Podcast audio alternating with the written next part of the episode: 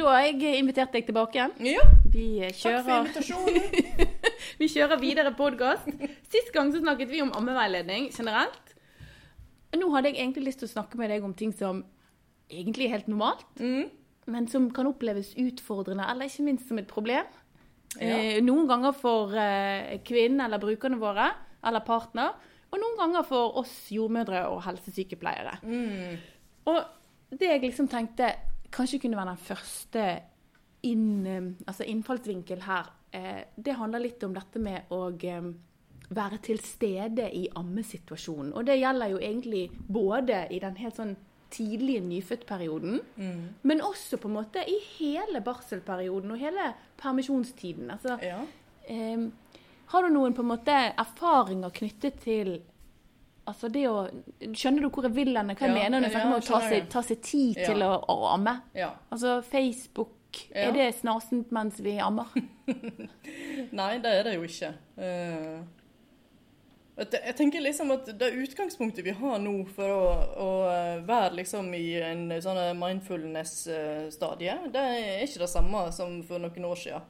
Nei. Eh, Så vi må henge med på eh, dagens utfordringer der. Ja, Så de stiller noen ekstra krav til Ja. oss? Ja da. Eh, Og jeg tenker at det, det som er riktig for meg, er ikke nødvendigvis riktig for deg. Nei. Nei. Så um, da finnes det jo eh, nivå av alt her. Men eh, altså, jeg, jeg forstår jo godt det du mener. Det, det opplever vi jo veldig ofte på sykehus. eh, Og det med å på en måte Den overgangen for hvor eh, tidkrevende det er med en baby. ja, ja, ja, ja. Det er jo på en måte skulle opprettholde samme aktivitetsnivå som før man ble mor, tenker du på? sant? Ja. Eh, og ikke minst det med å eh, få tid til det eh, helt basale. Mat og dusj og. For deg sjøl, tenker du? Ja, ja, ja, det òg. Ja, det kan være Så um, vi har jo på en måte plakater på sykehuset der det står at uh, denne tiden får du aldri tilbake, og legg vekk mobilen. Uh, for Ja. barnet søker din eh, Oppmerksomhet. oppmerksomhet. Ja, fordi at det å sitte med mobil mens du ammer eh, det kan jo, La oss si at jeg har en veldig god ammestilling. Og amme, altså at jeg har på en måte ikke behov for hektehjelp. Mm. eller, altså Jeg har ingen problemer knyttet til ammingen. Nei. Og så er da fokuset mitt når barnet ligger til brystet mitt, det er at jeg eh, skal sende noen mm. og så skal jeg innom Insta. Og så var jo. Egentlig det ganske fint dette her, så jeg kan jo ta et bilde av det mens jeg holder på. Mm. Enten jeg er på kafé, eller jeg er hjemme, eller jeg er på sykehuset. Um, hvor forstyrrende er det egentlig? Det, det tror jeg er veldig forstyrrende. Og det har vi jo sett. Det var jo en video ute med, fra uh, et, et barn som var litt eldre, eh, der mor og far var opptatt med telefonen. Eh, den var jo veldig beskrivende. Har du sett den? Nei, men Jeg tror jeg har hørt om den, der barnet hele tiden søker Ja. mors blikkontakt, men Ja. ikke får det. Ja. Eh, og den er veldig illustrerende på dette her, for det er ikke alltid så lett å merke hvordan eh, barn i ulike aldre søker mor, da. Eh, så en liten sånn bevisstgjøring på det tror jeg er lurt, altså. Ja. Eh, men vi ser jo altså Mobilen har jo et eh, bakteriepotensial for en annen verden.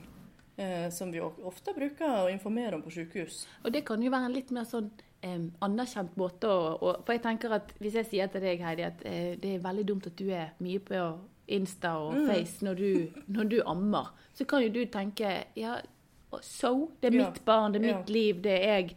Men hvis vi på For det handler jo igjen om veiledning her. Ja. Hvordan tilnærmer jeg meg ja, for å snakke om For det handler om tilknytning. Sant? Ja. Hvordan knyttes mor og barn og, og familien som skal dannes, Mm. hvis man ikke har fokus på hverandre? Ja. Og da er det lettere på en måte å argumentere med bakterier. Ja.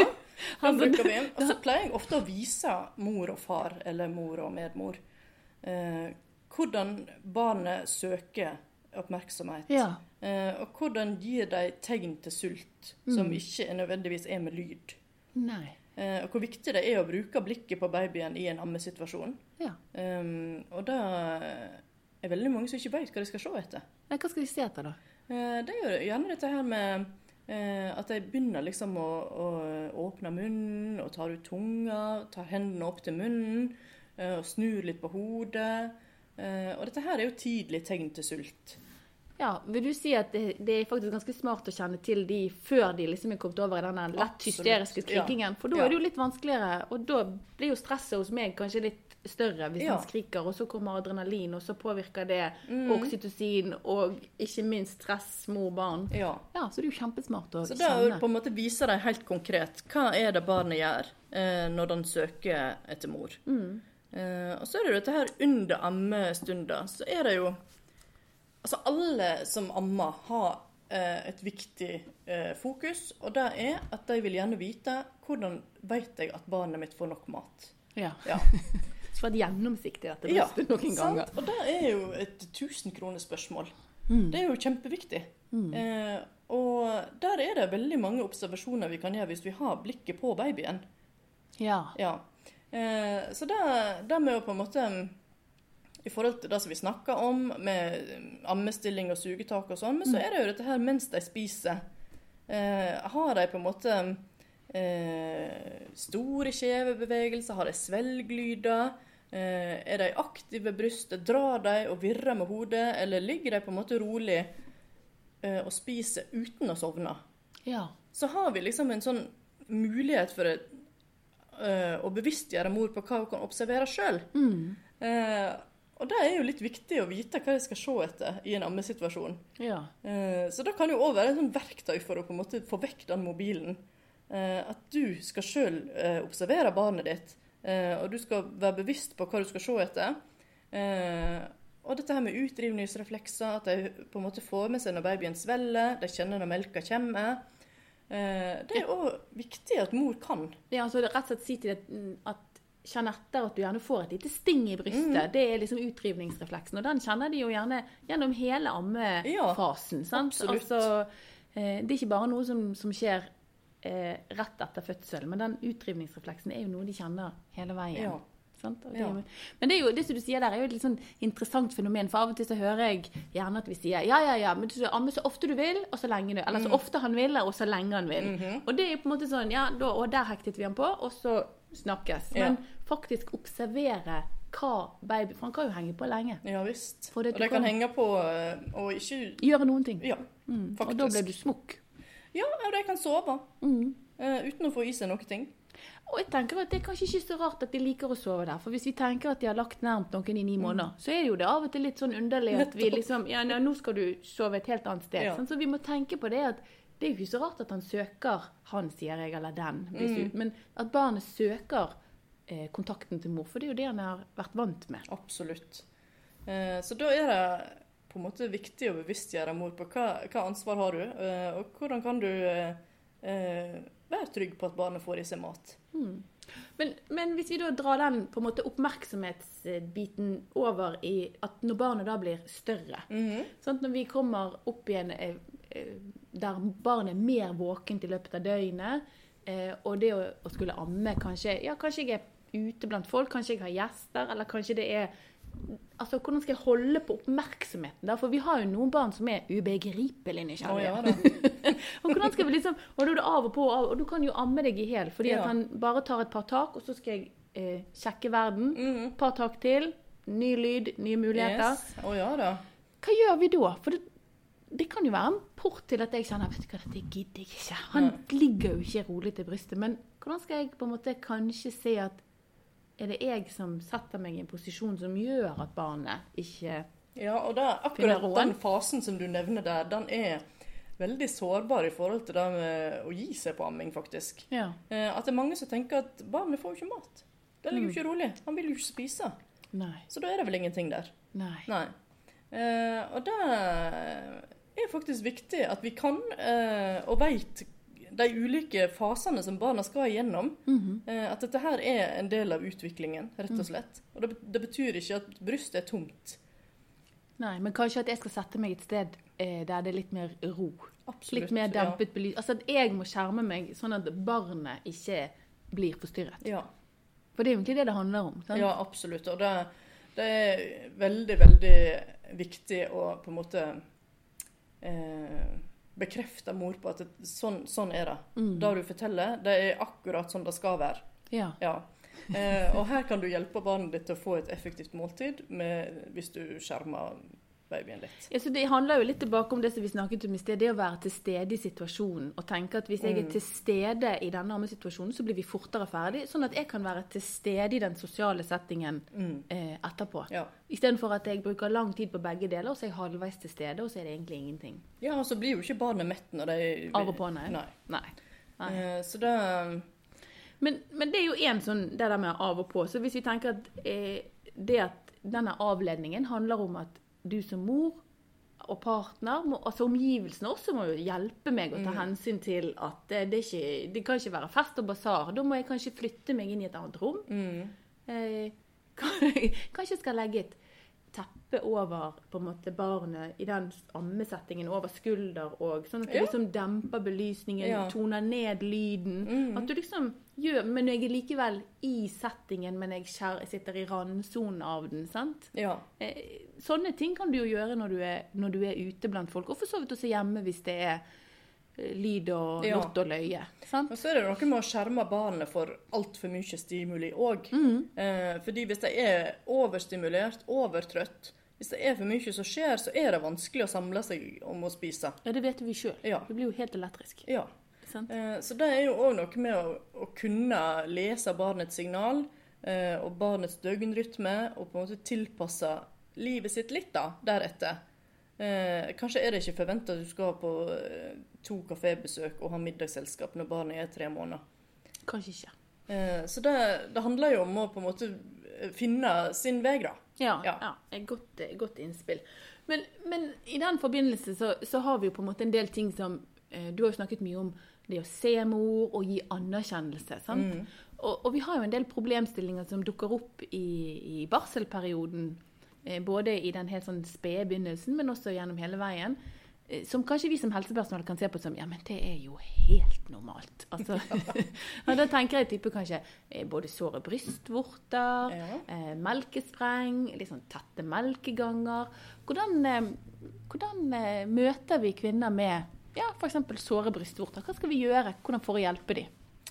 Ja, det er, det, det er en kjempevanskelig problemstilling, og det har jeg på en måte prøvd meg litt fram eh, under ammeveiledning. Og er det på en måte lurt å liksom eh, dra på med masse informasjon om hvordan forebygger du tette melkeganger, hvordan Ja. forebygger du såre bryst. Og det er jo det vi vil, sant? at vi vil unngå de problemene. Ja. Um, og vi vil jo ikke at vi skal havne der at du får en tett melkegang. Eh, så det, der må vi jo på en måte porsjonere informasjonen vår litt ut. Ja, For det det er ikke plass til alt. Nei. Eh, og av og til så har jeg kanskje tenkt at vet du hva, hvis jeg, hvis jeg snakker for masse, så sitter ikke det fast likevel. Og da er det på en måte bedre å ta problemstillingene når de kommer. Ja. Så det må vi vise. For vi skal jo på en måte i stor grad ha et helsefremmende og forebyggende Ja. perspektiv. Sant? Og så klarer ikke vi å forebygge for alt. Nei, og det er noe med at eh, den er eh, Det å være uh, ei ammende mor, det medfører jo en litt sånn dott i hodet. Som gir Det er ikke plass til alt, på en måte.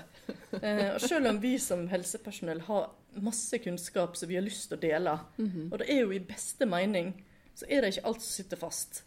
Eh, så jeg har på en måte eh, plukka meg ut noen sånne viktige punkt som jeg gir en informasjon om. Kan ikke du ta de? Jo, det er da forebygging av såre bryst. Ja. Hva gjør du da? Nei, da er det jo eh, vanligvis to hovedgrunner til det. Og Ja. det er babyen sitt sugetak Ja. og mors ammestilling. Ja. Ja. Så da har vi jo på en måte Det er den her eh, anamnesen igjen. Ja. Sånn, og kanskje her, hvis jeg kommer med såre bort, så bort må jeg tilbake igjen et steg. Ja. Så da, da prøver jeg å snakke veldig mye om at uh, når babyen ligger tett inntil deg, f.eks. Uh, i Altså dette her med mage mot mage i en sittende ammestilling, og for så vidt liggende òg, det gir et godt grunnlag for at barnet ikke drar i brystet.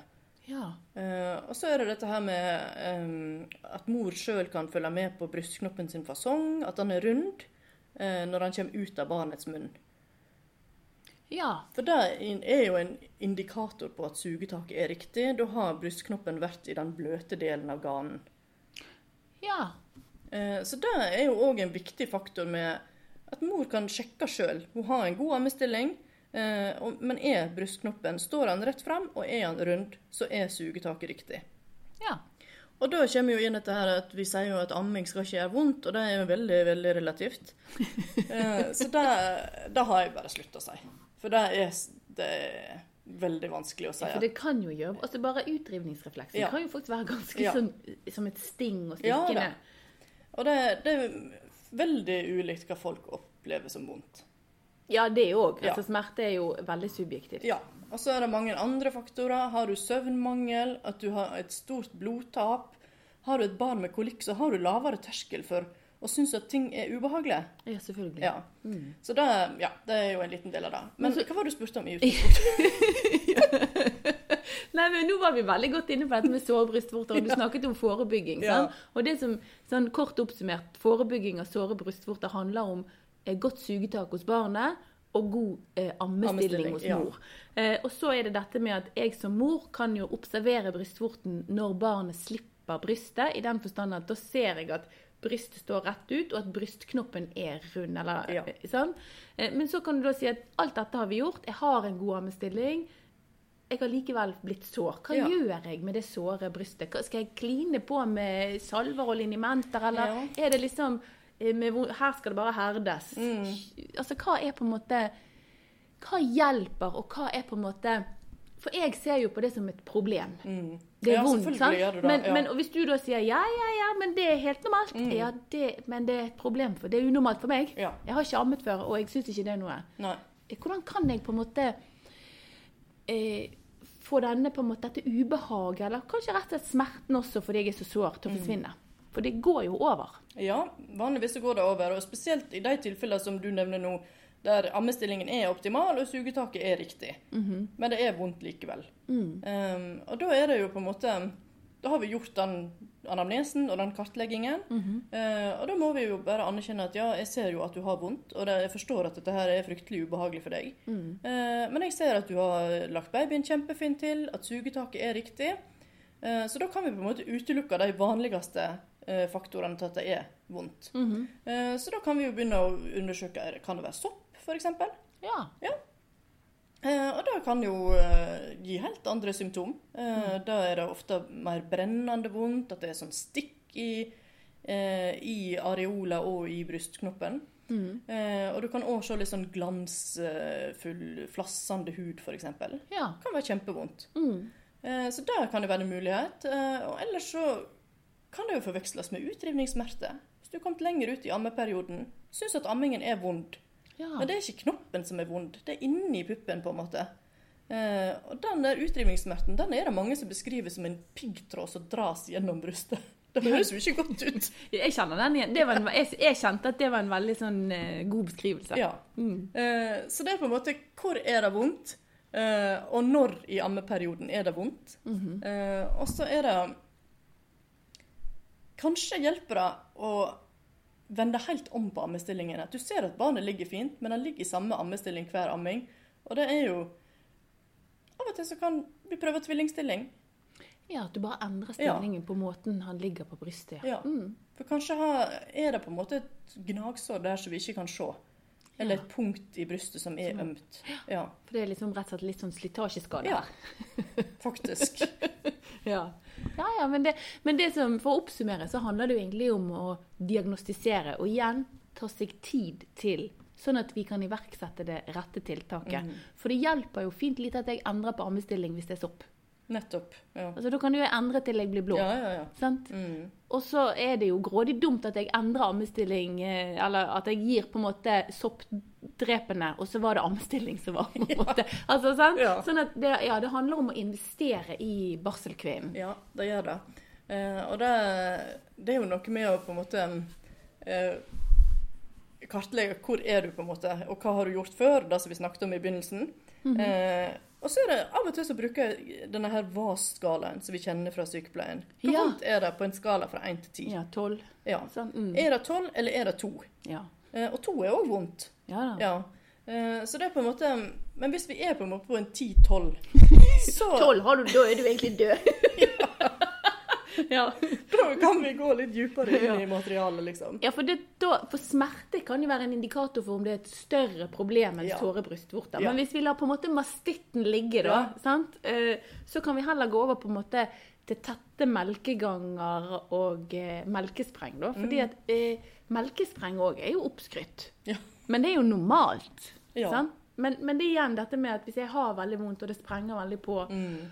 og hvordan skal jeg på en måte få barnet til å die? For hva skjer noen ganger sånn eh, anatomisk med brystet hvis, når melken setter i gang? Og dette er jo gjerne noe som skjer når helsesykepleier skal komme inn, eller Ja. sant? For nå er de reist hjem fra klinikken gjerne. Mm. De tredje, fjerde dag, kanskje vi drar mot femte, sjette, syvende dag, og gadang, der kom melken. Mm. ja. sant? Da kan du garantere at dette er en søndag. Ja. Vel, 17. mai, eller ja, alt er stengt. Ja. Du er på juleferie på Nordkapp. Da skjer det. Uff, da. Ja. Ja. For melkespreng kan oppstå seinere i forløpet Ja, absolutt. Uh, og da er det jo igjen viktig at jeg veit hvem kan jeg ringe til. Ja. Hvem kan jeg spørre? Hvor kan jeg søke opp informasjon om dette? ja. Så det er jo igjen en sånn basic Det fins det mange som vil hjelpe med amming, men nå må du spørre sjøl. Ja, Nå kommer vi ikke inn til deg lenger. nettopp. Så det, det er jo en kjempegod ressurs i Ammehjelpen. De Ja. har jo både videoer, nettsider, og de har telefonveiledning. Og mange kommer på hjemmebesøk. Mm. Og da har det ingenting å si om babyen er ti måneder eller ti dager. Men hvis du tenker helsesykepleier og jordmor, da. For melkespreng kan jo oppstå i, i Ja, nå er vi ikke på Nordkapp, det er ikke søndag. Nei, nå er vi på en måte hva er, Men men én ting er jo hva jeg som helsesykepleier eller jordmor skal gjøre, men vi må jo på en måte sette kvinnen i stand til å kunne løse problemstillingen selv også. Ja. Sant? Og det er jo de samme tiltakene kvinnen skal gjøre som, som vi skal gjøre. Ja. Så hvis du tenker deg da at nå har på en måte melken kommet, brystet er knallhardt, Ja. det sprenger på, og barnet eh, på en måte får liksom ikke helt tak. Hvorfor får han ikke tak, Heidi? Det er jo altså, vanskelig å suge på en fotball. Nettopp. Ja. Sant? Og det var det jeg ønsket du skulle si, at formen på brystet er jo på en måte så stramt. Ja. Sant? Det er veldig, veldig hardt. Altså, I utgangspunktet så er det viktig å skille mellom brystspreng og melkespreng. Ja. det er to forskjellige ting. Eh, Og hva kan ikke du på en måte eh, jo, brystspreng, det får alle. Ja. Det er eh, en eh, fysiologisk og anatomisk reaksjon i brystet Mhm. eh, med at vevet rett og slett blir ødematøst. ja. Ja, så da er eh, brystet som en fotball, Fordi nå der kom melken. Ja. Sant? men det er ikke nødvendigvis fullt av melk. Nei. Nei, det er mm, så er kjertlene inni som utvider seg noe helt vilt. Mm. Og det kan skje litt plutselig. Rundt dag tre til fem-seks. Mm. Ja. Eh, så det er på en måte en periode alle skal gjennom. Uh, og da er det viktig at en ikke forveksler dette med melkespreng og henter seg en dobbel brystpumpe og tenker 'jeg må tømme'. Ja, for da har vi på en måte egentlig kjøpt oss et problem. Ja. For da, for da opprettholder vi jo bare Mm.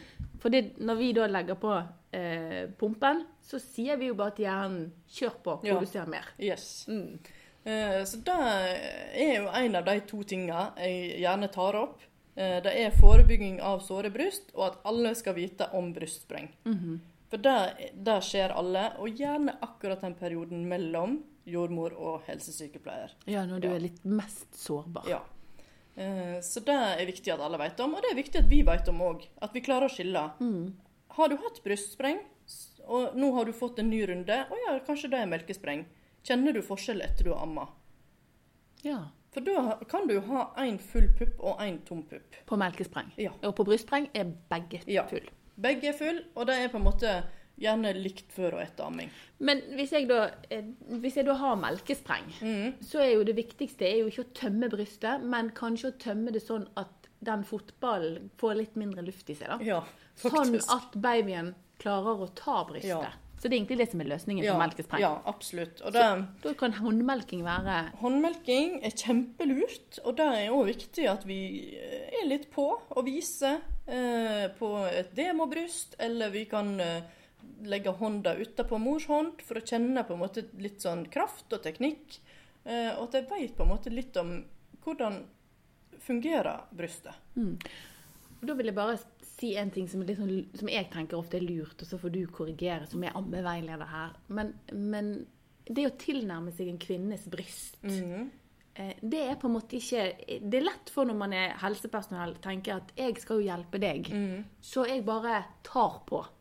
Altså, hva tenker du om at, altså, vi må ha, være Altså, vi er jo veldig intime. Vi krysser jo en del sånne intimsfærer og grenser i faget vårt. Og, og hvordan vi liksom Altså, det jeg vil fram til, at jeg syns vi må lære oss til å be om å få lov til å ta på. Absolutt. Ja, det er veldig viktig. For Vi har, det er så mange kvinner som har som Og vi har så utrolig mye med oss i bagasjen.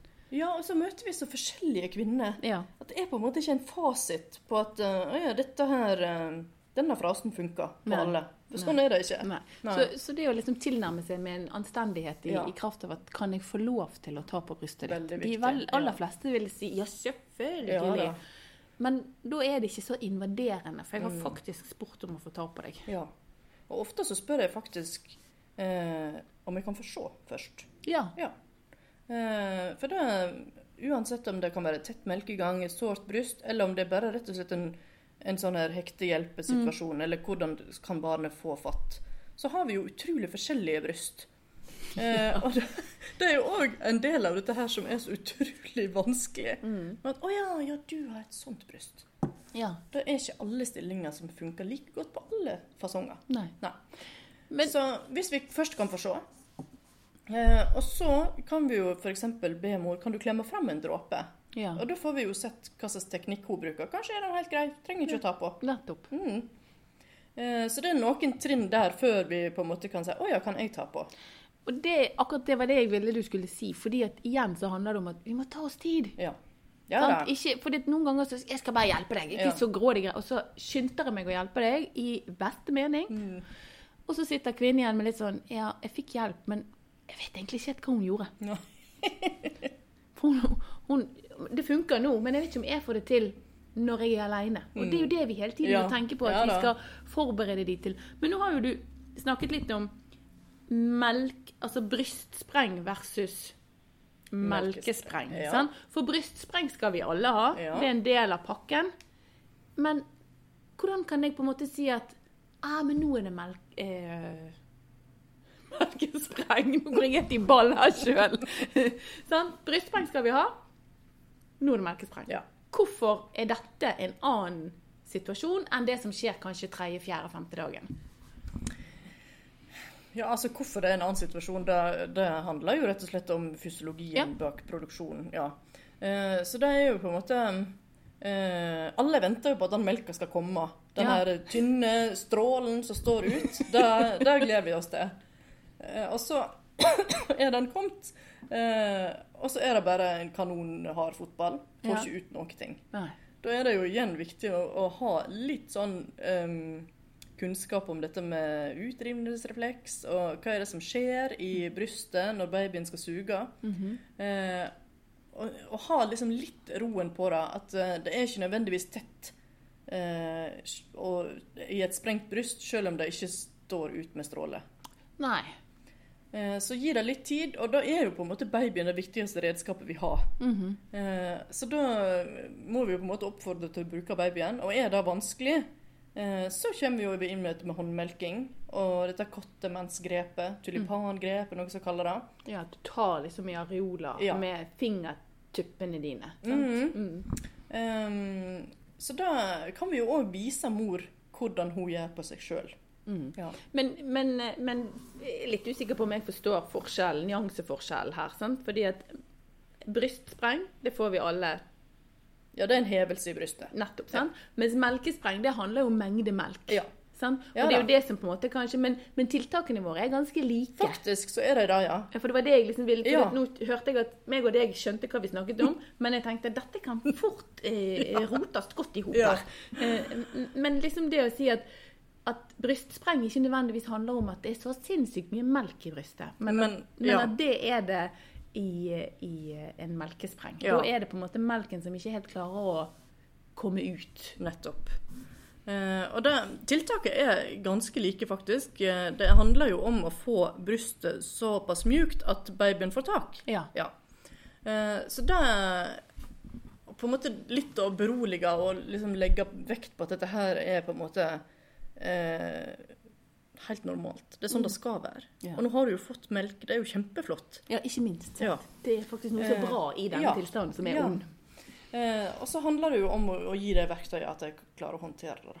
Ja. Ja. Men, men da liksom lurer jeg på en ting. Sånn, la oss si, nå, har, nå er det melkespreng. Melken er kommet, Ja. det sprenger på. Eh, skal jeg legge på varme, eller skal jeg eh, legge på kulde? Altså, nå tenker jeg det, Noen ganger når det er noe hovent, Mm. så skal vi ise ned. ja.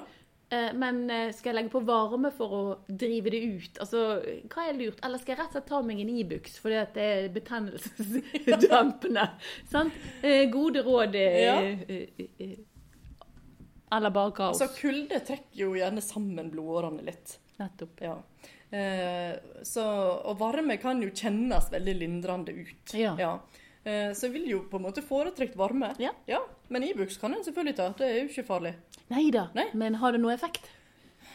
Det, Nett, ja, nettopp. Og det var liksom det altså, For igjen så er det jo hensiktsmessig at vi iverksetter et tiltak som eh, fører til at det blir en bedring. Ja, Ikke ja bare da. demper et symptom, kan du si. Men Ibux e har jo en smertelindrende effekt. da. sant? Så Så det, den, ja. Eh, men sånn eh, førstehjelp så vil jeg anbefalt varme. ja. Ja. men da har vi egentlig eh, ja, varme, varme, varme. Mm. Det er egentlig, egentlig fasiten her. Sant? Mm. På begge deler, egentlig. Ja. Men se at det ene handler mer om eh, at vi har, at barna har diet så mye, og du får en ødemdannelse, pluss at melken begynner å eh, starte å komme Mm. i gang. Og en melkespreng handler kanskje For den kan oppstå seint i forløpet òg. Ja, virkelig. Og da, da er det jo på en måte Hvis en ikke har tilgang på dette barnet, hvis barnet er så stort at det er hos besteforeldre, Mm. så kan en jo hente tilbake kunnskapen om håndmelking. Ja. Eh, ta en varm dusj og iverksette utrivningsrefleksen. Mm. Eh, sånn at en får i hvert fall letta på, På trykket. på trykket på sprengen. Mm. Ja. Så For disse tingene her kan jo Altså en melkespreng for det, en, en annen problemstilling i denne hen, Grunnen til at jeg ville si at dette kan skje når som helst, eller Stort sett så skjer melkesprengen tidlig i mm, barselperioden. mm. Men så har jo vi dette, disse berømte økedøgnene. Ja.